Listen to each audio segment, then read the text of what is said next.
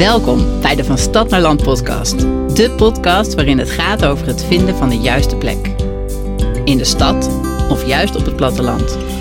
De plek of omgeving waar jij tot je recht komt, waar je kunt zijn wie je bent. Een omgeving die je prikkelt en inspireert of juist tot rust brengt.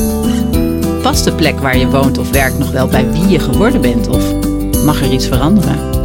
Daar gaat het over in deze podcastserie. Ik spreek met inspirerende gasten over waar zij op hun plek zijn en welke plekken hen inspireren of juist rust geven. Zodat jij inspiratie krijgt voor het vinden van jouw juiste plek. Goedemorgen, welkom. Dankjewel, goedemorgen. Ik heb vandaag Willemien van der Veen bij mij als gasten in de podcast voor Van Stad naar Land. En we gaan vandaag hebben over het vinden van jouw nieuwe locatie. Je bent uh, misschien beter bekend als Wil van Wil and the People. Ja, Een zeker. business en uh, leadership coach voor creatieve denkers en bewuste ondernemers. En ik heb uh, mooie verhalen over jou gehoord. Dat je een streng, doch rechtvaardige businesscoach bent. Maar wel heel erg Ja. tot uh, actie aanzettend. Dus dat zijn mooie woorden volgens mij. Ja. Ehm, en het is wel leuk, want ik ehm, kende jou eigenlijk nog helemaal niet. Persoonlijk. Alleen via Instagram. En daar volgde ik jou al een tijd. En ik zag dat je bezig bent met de verhuizing van Amsterdam naar Heemstede. Klopt, ja. En dat is natuurlijk precies ook waar het bij Van Stad naar Land over gaat. En je deelde al eventjes kort met de Instagram-kijkers en dus ook met mij dat je het heel spannend vindt. En dat het een grote verandering gaat worden. Ja, zeker, ja. Het is echt wel een, uh, ja, een, een, hele fase waar je, waar je ingaat. Wat, waar je van tevoren bij nadenkt van, oh ja, dat doen we even. Maar op het moment dat je de keuze hebt gemaakt, dan merk je dat er toch wel heel veel achter zit. Ja, mooi. Dat uh, begrijp ik heel goed. Dat heb ik zelf ook meegemaakt en ik zie het bij mijn klanten ook. Dat de stap van de stad naar een andere nieuwe plek, nieuwe omgeving heel groot is. Ja.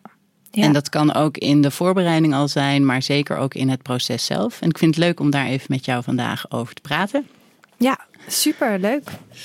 Um, eerst eventjes over jouw liefde voor Amsterdam. Je woont al een tijd in Amsterdam. Hoe lang woon je al in de stad? Ik ben toen ik uh, 24 was, ben ik uh, verhuisd met mijn vriendin in Amsterdam. Maar eigenlijk toen ik denk ik 11 was, was ik een keer met mijn moeder in Amsterdam. En toen zei ik al, mama, ik ga hier wonen. Ik wist het absoluut zeker. Dus, uh, en ik was best wel een verlegen meisje als, uh, als, als kind. Dus toen ik 18 was, wilde ik al, maar toen durfde ik niet. En toen had ik eindelijk vriendinnen gevonden die ook een beetje van de wereld waren. en uh, toen zijn we samen gegaan. En dat was echt het perfecte moment. Dus toen was ik eigenlijk al 24. En toen heb ik daar mijn master afgerond. En was je daar echt op je plek zoals je dat bedacht had? Uh, nee, het eerste half jaar. Ik woonde in een anti-kraakwoning op de Nieuwmarkt. En had uh, super geluk gehad dat ik dat had geregeld. En uh, dat was best wel groot. En ik werkte toen, ik had een bijbaantje bij de Bijenkorf in de, op de sieradenafdeling. Dus ik moest elke dag van, vanuit mijn huis uh, door de Red Light District ja. naar werk lopen. En, en het eerste half jaar dacht ik, jeetje, wat is dit? Wat zijn die mensen oppervlakkig en iedereen zeg maar schat en liever tegen je. Ik, ik ken ze helemaal niet, dus ik moest heel erg wennen. Ik heb echt wel veel gehaald het eerste half jaar. En, um, en daarna was het over. En toen was het goed? toen was het goed, ja. Maar ik, ja, ik moest toch wel wennen. Ja. Het was toch anders dan dat ik had verwacht. Groter en, en net even iets enger. Want waar ben je opgegroeid? Ja, in echt een piepklein dorpje, Aduard. Dat ligt uh, net buiten Groningen, 7 kilometer. En uh, dat heeft 2000 inwoners en drie kerken. Dus dat is echt piepklein. Ja, dus dat is echt het platteland. En jij ja. ging eigenlijk gewoon van het platteland naar de stad. Ja, dus eerst naar Groningen. Dat was al een soort van overgangsstap. Ook heel veel uh, heimwee toen gehad in het begin. Maar toen ik er eenmaal woonde was het prima. En uh, toen vanuit Groningen. Ja, in Groningen wil iedereen naar Amsterdam. Dus dat tenminste toen de tijd. Dus dat was best wel een normale stap. Ja. Ja, want er was gewoon geen werk. Jouw jeugd in Aduard, hoe was dat? Ja, dat uh, vooral heel veel naar buiten. Het was echt een heel klein dorpje, maar uh, wij woonden. Uh, we hadden achter ons een veldje met paarden. En, uh, en ja, boomgaarden en, en, en moestuintjes. En uh, daar ging je dan een beetje rondzwerven met je vriendinnen. En vooral heel veel buiten spelen. Op avontuur. Op avontuur, ja. Mijn opa en oma die hadden een boerderij. Dus daar was ik ook heel vaak. En dan uh, mocht ik daar meehelpen. Dat vond ik ook echt fantastisch. Dat was dan in Friesland. Dus vooral heel veel buiten spelen. Dat, dat is mijn herinnering. Heb je daar mooie, ja, dus mooie herinneringen ja. aan? Ja, mijn ouders die zaten een, uh, allebei in het onderwijs. Dus dan, uh, ons wereldje was gewoon heel klein. Dus je liep met je moeder mee naar school. Die gaf daar les. En dan tussen de middag weer naar huis. Broodje eten. En, en na schooltijd spelen met je vriendinnetjes. En uh, verstoppertje. En vooral ja, gewoon urenlang totdat je honger kreeg. Is dat iets wat je ook aan je eigen zoon mee zou willen geven, dit? Of? Ja, ja, als ik kijk naar Bo, die is nu, uh, nu, nu bijna drie. En die vindt het heerlijk om naar buiten te gaan. En die zegt, kom mam, we gaan in het bos spelen. En dan loop ik met hem in, in, in. En tussen de drie bomen. En dan zijn we in het bos. En dan, uh, maar af en toe moet ik een beetje uitkijken. Want het Westerpark, er worden natuurlijk heel veel feestjes gegeven. Dus dat ligt overal uh, verpakkingen nog van het weekend. En, uh, en, en, en condooms. en dus dan navigeren we tussen... Ergens een spuit misschien ja, nog. Met, uh, met zijn olifantjes en zijn tijgers. En dan spelen we alsof we in het bos zijn. Nou ja, nu heeft hij dat nog niet zo door. Maar ik denk dat hij, als hij ouder wordt, dan heeft hij toch wel door dat drie bomen geen bos is. en uh, ja, dus dat wil ik hem toch wel meegeven. Heeft dat meegespeeld bij jullie keuze om te gaan verhuizen? Ja, ja zeker. De, um, in eerste instantie was het vooral um, de het ruimtegebrek. Dus toen, uh, we hebben twee slaapkamers en uh, best wel een grote woonkamer. Maar we dachten in eerste instantie, we gaan dit huis verbouwen. We doen een dak, dakopbouw. Nou, dat bleek qua politiek wel iets lastiger de, dan verwacht. Dus uiteindelijk zagen we wel van ja, we hebben twee mini-slaapkamers. Hij kan nooit op zijn kamer spelen. Um, dus dat was de eerste overweging om te gaan zoeken uh, naar een groter huis. Nou, en dan kom je dus voor een keuze van ga je dan in Amsterdam of uh, buiten Amsterdam. En dan moet je dus voor jezelf gaan bedenken van ja, wat vind ik eigenlijk belangrijk voor mijn kinderen. En uh, nou, toen kwamen we er allebei wel op uit. we hebben allebei een achtergrond in een dorp. Van ja, ruimte en natuur is ook wel heel erg belangrijk. En dan is nog de vraag, waar ga je dan naartoe? Ja. Want dan zijn er opeens ontzettend veel opties.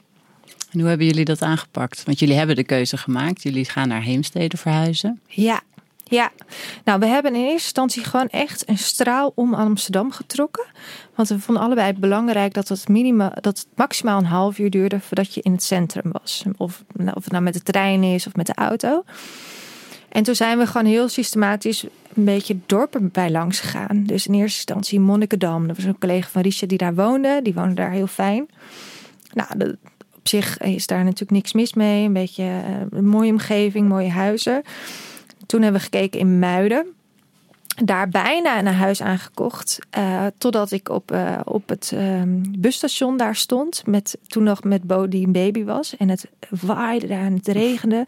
En ik dacht, dan sta ik dus elke dag bij dit station. Ja. en toen heb ik het afgeblazen. Ja. En, en zo zijn we steeds verder gaan zoeken. En Haarlem was voor mij altijd al nummer één. En uh, totdat we daar aankwamen. En toen voelden we gelijk van oké, okay, we moeten hier gaan wonen. Het enige probleem is nog welk huis. Ja. En, uh, en toen zijn we gewoon gaan zoeken daar. En toen bleek dat eigenlijk Haarlem uh, qua makelaars ook eigenlijk hetzelfde was als in Amsterdam. Het was echt een hel om daartussen te komen. Dus toen ons huis, een nieuwbouwproject voorbij kwam, toen zijn we daar gewoon uh, blind ingesprongen. En ja, achteraf nog wel eens gedacht van was dit niet te snel.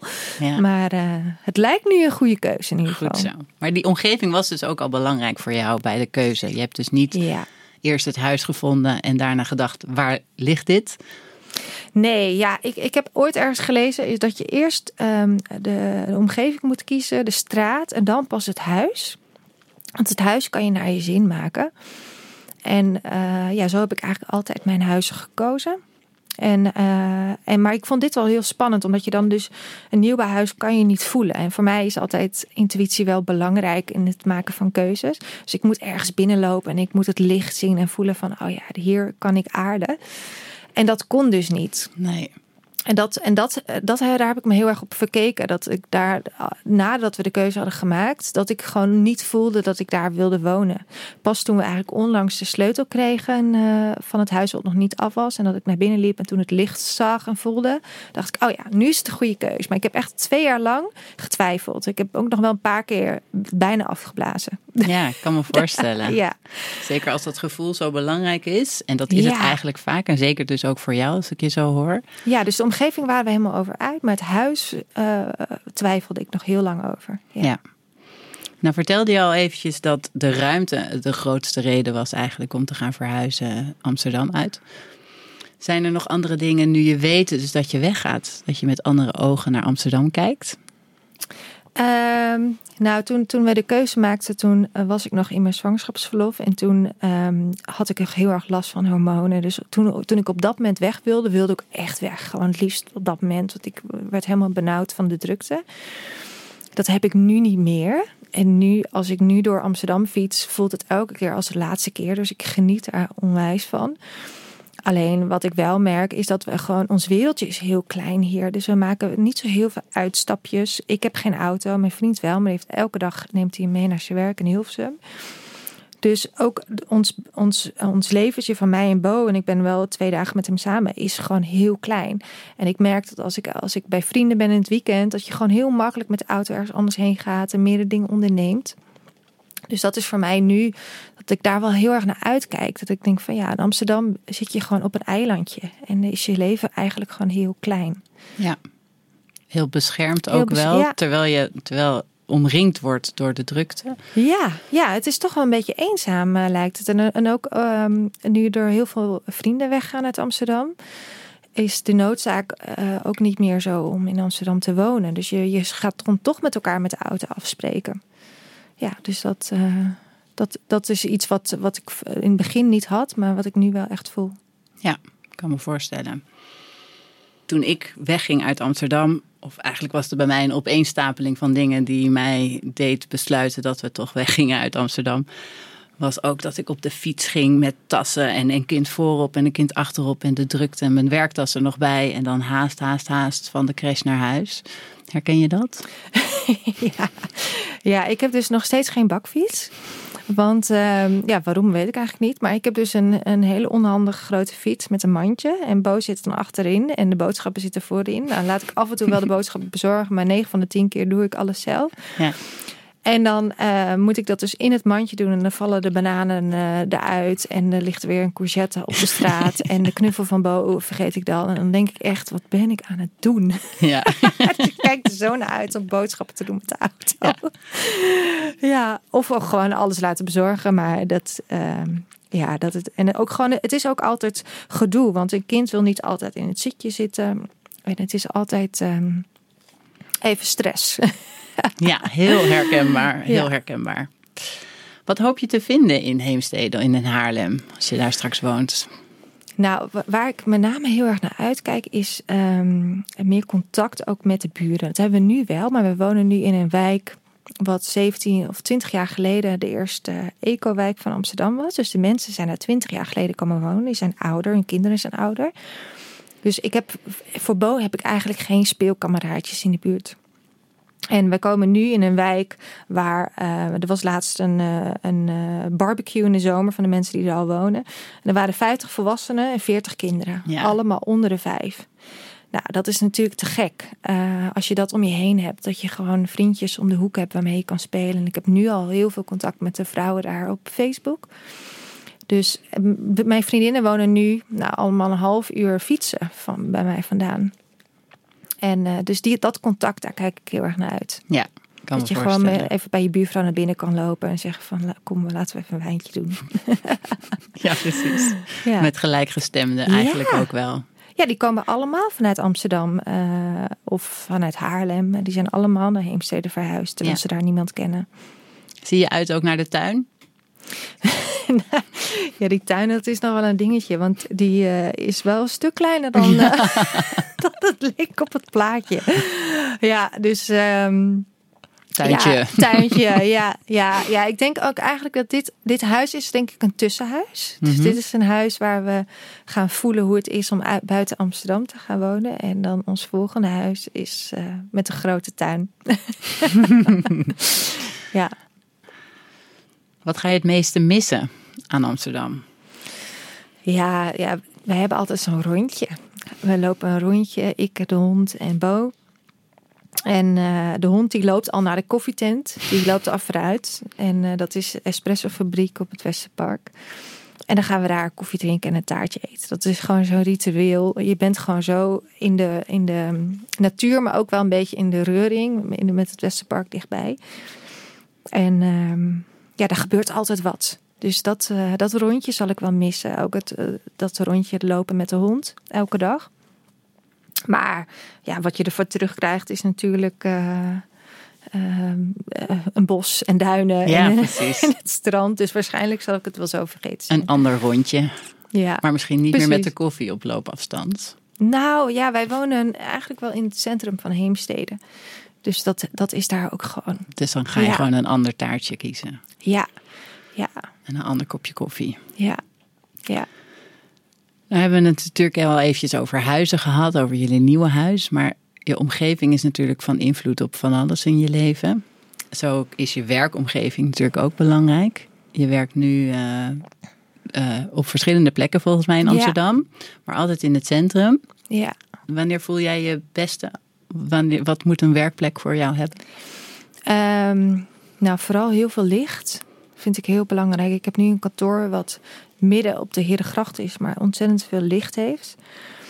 Ehm, en eh, rust vind ik ook wel belangrijk. Dat het niet heel erg eh, ehm, ja, veel rumoer of afleiding omheen is. Ik kan in principe overal wel werken. Ik werk goed in, in een koffietentje. Ik werk goed thuis. Ik werk goed op kantoor. Dus voor mij is eigenlijk afwisseling het allerbelangrijkste. Eh, en een plantje. Toch een beetje groen. Een beetje groen, ja. ja, ja. Ik moet vooral niet te lang op een kantoor zitten. Eh, Dus laat mij maar gewoon door het hele land een beetje eh, afspraken hebben en eh, mensen coachen of trainingen geven. Dan ben ik eigenlijk op mijn best. Ik ben niet heel erg verbonden aan één plek. Nee. Nee. Blijf je je kantoor op de Herengracht gewoon houden als je straks in Heemstede woont? Ja, ja, en we moeten even kijken hoe dit gaat. Maar ik heb ook een ehm, kantoor gehuurd bij Tribe Hub. Dat zit in Haarlem. Dus dat is een coworking eh, space voor vrouwen. En ja, dat is voornamelijk, vind ik dat heel erg leuk om nieuwe mensen te leren kennen. En ja, op, op dit moment gaat mijn eh, online programma gewoon heel goed. Dus de vraag is van hoeveel ga je nog één op één sessies doen in de toekomst? Als dit heel, heel mooi kan worden, dan eh, zijn het misschien groepsessies of dan zijn het misschien events die je gaat doen. En dan is een, is een kantoor, mijn kantoor is echt een ontvangstkantoor waar je in coacht. Dus niet zozeer een kantoor waar je echt een hele dag gaat zitten.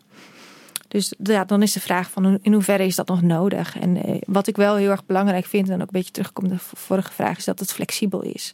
Dus mijn missie is niet voor niets eh, licht te ondernemen. Ik wil me niet vastleggen aan een, eh, aan een kantoor eh, met een hele hoge huur voor een langere periode. Ja. Omdat mijn bedrijf zo snel verandert. Ja.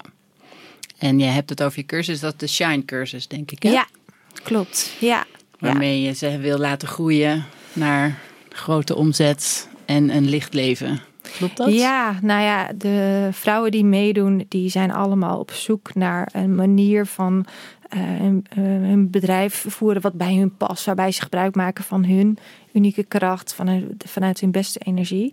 En dan ga je dus een designproces maak je door eh, van hoe dan dat ideale bedrijf eruit ziet. En ehm, en voor de een is dat heel veel omzet, voor de ander is dat gewoon eh, drie dagen werken met leuke klanten. Dus, dus eigenlijk het maakt het niet zo heel veel uit wat je doel is. En om, meer omzet is ook niet altijd het doel.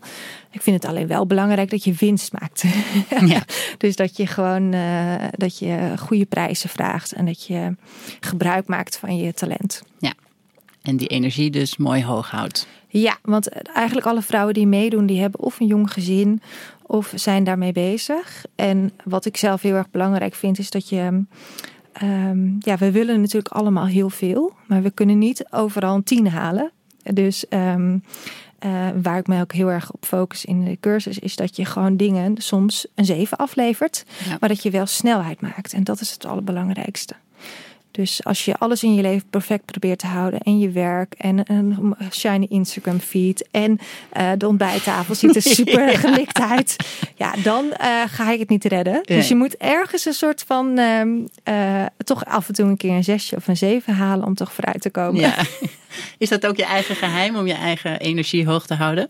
Want jij bent ook net zo, jij bent ook een jonge werkende moeder met allerlei ballen in de lucht. Ja, ja, ja. Dus ik, ik um, uh, dus bij, bij, Google heb ik altijd geleerd: kies de moments that matter. Dus ik kies de belangrijkste momenten uit voor zowel mijn omgeving, mijn familie als voor mijn zoontje, waarop ik er echt ben. En ook de belangrijkste momenten in het leven van, of in het werkende leven van mijn klant. Dus, um, en dan sta ik er, dan shine ik, shine ik. Maar er zijn ook dagen dat, uh, dat ik het gewoon eventjes ook niet helemaal meer weet. En, uh, en dat ik ook maar wat doe. Of dat ik een post live zet met honderd spelfouten. of een video waarvan ik achteraf denk van... Oh my god, hoe heb ik dat live durven te zetten? Maar het is zoals het is. En uh, ik weet in ieder geval, als ik meer probeer en meer uh, fouten maak, dan leer ik sneller. Dus daar hou ik me aan vast. Ja, je doet gewoon. ja. En als je nou zo'n dag hebt dat je ook maar wat doet, is er dan een favoriete plek waar je graag naartoe gaat om even op te laden of juist tot rust te komen? Um, ja, voor mij is het wandelen met de hond is echt wel heel therapeutisch. De een mediteert, de ander um, doet yoga nidra en ik wandel gewoon met de hond. Het liefst met een podcast of, uh, of iets, of iets of een lekker muziekje. En dan ben ik echt volmaakt gelukkig. Dus zeker als, als het dan even zo'n zonnetje door de bomen schijnt. En, uh, en die hond die, uh, die is lekker aan het rennen. Dan, dat vind ik heerlijk. Gewoon een beetje wandelen. En ik geloof ook heel erg in dat je, als je niet helemaal lekker voelt, dat je gewoon je lichaam moet bewegen. Want je lichaam is zoveel wijzer dan je hoofd. En dan komt het wel weer. Ja. Is dat ook het moment dat je geïnspireerd raakt? Of haal je inspiratie uit andere dingen? Ja, ik bedenk altijd de beste dingen als ik loop. En uh, het is alleen, ik moet er alleen nog een manier vinden hoe ik het dan opsla. je wil natuurlijk niet al met je telefoon lopen, maar eigenlijk zou je na elke wandeling uh, en, um, een paar notities moeten maken om daar je ideeën in vast te leggen. Ja. Ja, ja, veel mensen doen dat na meditatie natuurlijk ook. Even ja, iets opschrijven. Precies, ja. Die moet ik eigenlijk nog in mijn uh, in routine je opbouwen. van je jas. Ja, inderdaad. Of gewoon een, een voice memo natuurlijk. Dat kan ook. Ja. Maar dan pak je natuurlijk toch wel weer even de telefoon erbij, waardoor je misschien weer even uit het moment. Uh... Ja, ik, ik vind de telefoon is de grootste bron van stress uh, voor heel veel mensen en voor mij ook. En uh, dat kan echt wel verslavend werken, waardoor je. Het is zelfs bewezen dat als je over je telefoon gebogen zit, dat je door je lichaamshouding, dat je dat je, je gewoon slechter voelt, dat je je depressiever voelt. Um, als je ooit een keer de boek Presence leest van Amy Cullen is het volgens mij. Uh, daarin staat dat beschreven. Dus ja, ik zo liefst zo min mogelijk met de telefoon uh, wandelen ja. in ieder geval. Ja, dan moet je gewoon zo'n zo'n apparaatje alleen maar voor het opnemen van je voice. Ja. Los ja. van de telefoon. Die zijn er natuurlijk ook. Maar... Ja. Ik zag net al even zo onder jouw trui vandaan komend een mooi Amsterdams logo. De drie X'jes. Ja. Is dat inderdaad ja, nou, dit, is, dit is wel echt een mooi verhaal. Liefde. Want, um, en als ik dit vertel, klink ik altijd een beetje naïef. Maar dit, uh, ik, ik was zeven jaar geleden met mijn vriend in Zweden. En we hadden daar een heel leuk weekend. En toen zei mijn vriend, laten we gewoon een tatoeage zetten. Ik zei, nou nee hoor, dat, uh, dat is niks voor mij. Maar na een paar wijntjes um, leek dat toch opeens wel een heel goed idee. Hij zei, nou dan doen we gewoon drie x'jes. Dat kunnen kusjes zijn, het kan het teken van Amsterdam zijn. Ik, ik had zoiets, why not? Dus hij heeft ze onder zijn biceps laten zetten. Maar ik moest eerst, en ik, het was dus een beetje een onervaren uh, tatoeëerder. Dus die eerste is veel dikker dan de rest. Dus het is ook echt helemaal niet netjes gedaan. En toen ik dus terugkwam op kantoor, toen werkte ik nog bij Google, zei iedereen van, jeetje, ben je fan van Ajax? Of, uh, en toen dacht ik, wat? En toen pas had ik door dat het ook de X'jes waren in het, uh, in het Ajax-logo. En toen dacht ik, oké. Okay. En hij komt natuurlijk overal onderuit, want ik heb mega lange armen. Ja. Dus iedereen zegt ook van, als ze weten dat ik uit Amsterdam ga, van jeetje, dan moet je je tatoeage wel veranderen. Maar ik uh, laat hem gewoon staan omdat ik het een mooi verhaal vind. En je neemt Amsterdam en de liefde en voor Amsterdam neem... neem... je gewoon met je mee. Exact. Ja, precies. Exact. Waar zie jij jezelf over 30 jaar? Je zei net al eventjes Heemstede, of in ieder geval dit huis wordt een tussenhuis. Ja. Voor 30 jaar mag ook 20 jaar zijn, maar gewoon over een hele tijd. Waar zie je jezelf dan wonen en werk je dan nog? En hoe ziet jouw Uh, plaatje nou, het liefst werk ik niet meer. Mhm. Of tenminste, ik doe eh, vrijwilligerswerk. En eh, ja, ik, eh, mijn ouders zitten allebei in het onderwijs. En ik vind eh, sowieso het onderwijs vind ik een van de mooiste dingen die je kan meegeven aan de maatschappij. Dus ik denk eigenlijk dat ik ergens gewoon les geef. Misschien in een klein dorpje, op een school of iets dergelijks. Of nog steeds online, zoals ik dat nu doe. En dan doe ik dat gewoon voor de lol. Dus niet meer omdat ik hoef te werken. En de omgeving is waarschijnlijk een boerderijtje met kippetjes en, eh, en beestjes. En daar heb ik al, eigenlijk altijd al van gedroomd. En een ateliertje waar ik gewoon een beetje kan eh aanklooien. Mooi. Ja. Toch weer dat buitenleven opzoeken. Ja. Ja, wij zijn eh, afgelopen zomer zijn we heel veel op camping Bakma geweest. En ehm, ja, daar heb je dus geen wifi. Daar Nee. heb je geen internet. Daar heb je geen telefoonbereik. En eh, dat vond ik zalig. En de hele dag maar een beetje met eh, vrienden en familie. Gewoon eh, de bossen in, het strand op. Ja, dat is wel mijn ideale manier van leven. Zou je dat dan nu ook al een beetje meer aan je kinderen mee willen, of aan je kind mee willen geven? Ja, gelukkig ehm, gaat hij twee dagen per week naar Open Oma. Dus die hebben zo'n huis met een mega grote tuin. Wonen die nog steeds in Groningen? Nee, dat, zijn, eh, dat is van mijn vriendse kant. Dus die wonen in Heemskerk. En, eh, en naar mijn ouders gaat hij ook natuurlijk af en toe. En ehm, dus daar ben ik al heel blij mee dat hij gewoon twee dagen per week gewoon buiten speelt met zijn neefje daar. En eh, ja, en dat, dat wil ik natuurlijk ook aan hem meegeven. Gewoon een, een zorgeloze jeugd waarbij je nog heel weinig druk hoeft te maken over wat er in de wereld gebeurt. En, eh, en alleen maar mag spelen, dat vind ik het allerbelangrijkste. Ja, mooi. Daar word je een mooi mens van als je de buitenwereld een beetje met afstand kan bekijken en Ja. in het hier en nu kan zijn. Ja, voor mij is dat ook echt leiderschap. Dus dat je een stapje terug kan doen en bij jezelf kan, bij na kan gaan van oké, wat heb ik echt nodig? Waar word ik blij van? En speelsheid is voor mij ook altijd een hele belangrijke waarde. Van, er gebeuren natuurlijk zoveel dingen waar je geen controle op hebt. En als je er met een speelse blik naar kijkt, dan is het allemaal niet zo zwaar.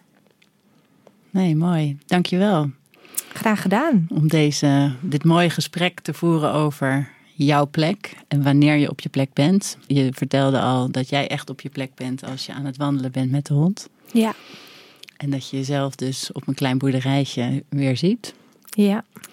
Mijn vriend is het daar overigens nog niet mee eens. Oh. hè?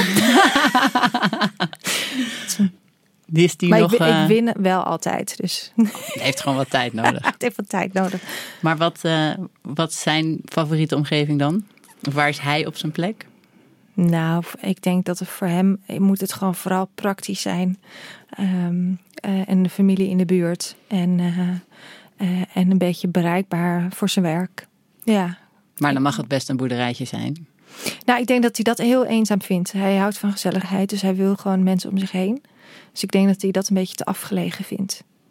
Maar als ik hem eh, kan overtuigen dat we aan het strand wonen, dan, dan heb ik nog wel kans, denk ik. Dus dat is zijn favoriete Ja, dat plek. is zijn favoriete plek. Ja, Mooi. Dankjewel. graag gedaan.